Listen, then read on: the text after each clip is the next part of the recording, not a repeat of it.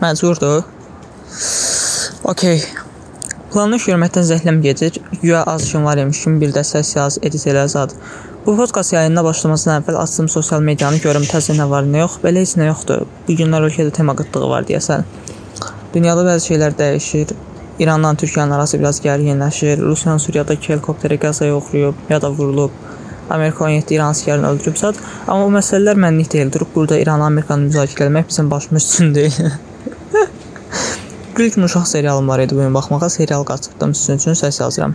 Mövzumuz yoxdur amma milliyyətçilikdən, ideologiyadan danışa bilərik məncə. Düşün elə bir sistem yaradılır ki, dövlətlər hər kəsin ideologiyasına görə bir dəqiqə. Bir dəqiqə başlamadıq biz.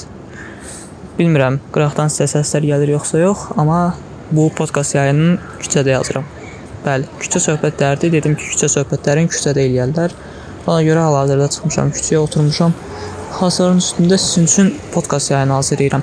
Cəmaət studiolarda falan ekipman, mikrofon, rod, roddo hər nəsə. Zatdan mən də sizin üçün küçədə adi telefondan podkast hazırlayıram. Kasıbçılığa bax da.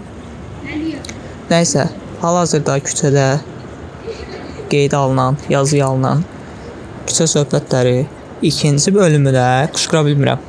Qışqırsam mən baxacaq deyəcək dərdlər, ona görə qışqıra qışqıra deyə bilmirəm ki, ikinci bölümünə xoş gəlmisiniz zət. Nəysə belə də ki, xoş gəlmisiniz.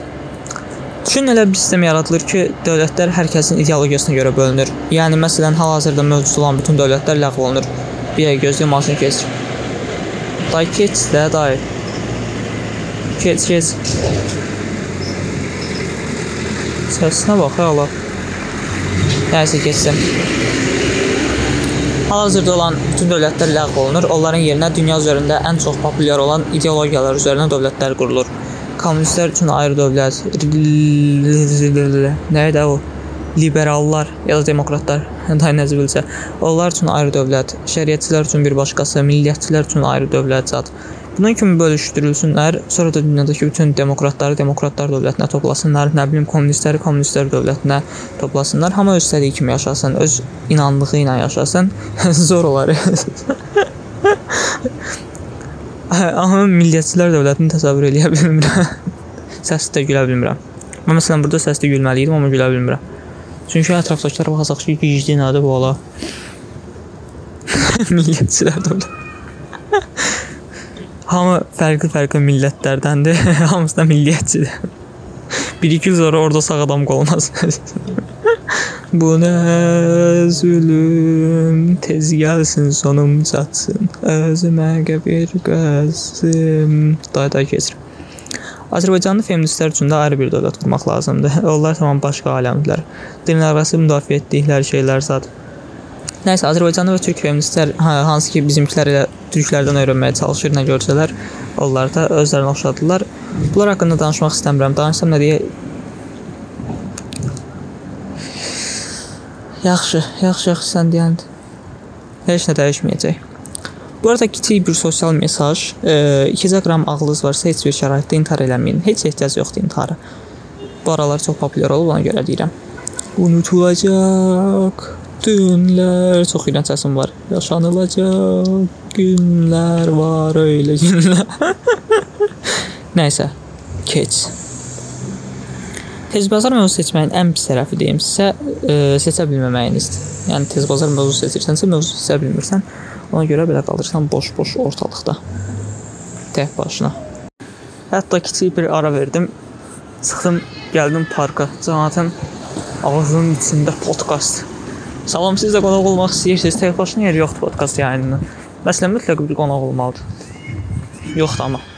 İkisidən keçən dayıdayı çevirim deyim ki, dayıday gəl qonaq ol da. Hə, olmur. Dəli deyil ki, cəmaət. Azərbaycanda inkişaf edən bir sektor. Az sektor. Bu dəqiqədən sonra podkastı bağlayıb çıxa bilərsiniz, amma qalın məncə.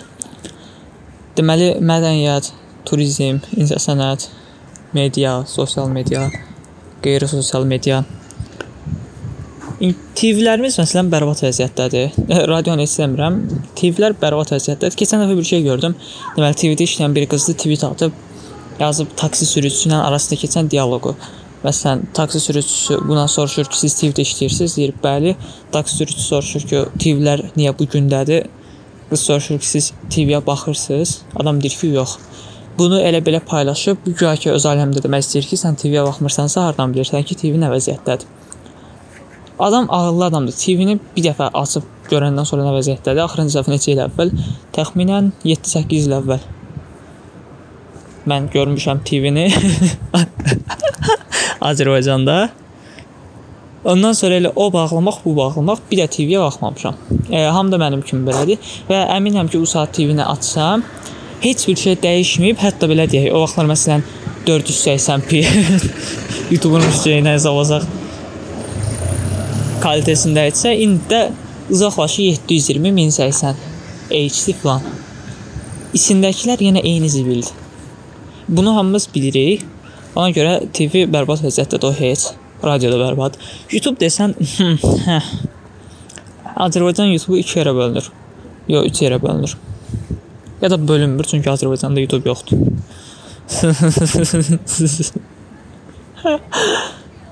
Başqa Instagram, məsələn Instagramda qəşəng Instagram səhifələri var. Azərbaycan trolling azı trolling belələr zət.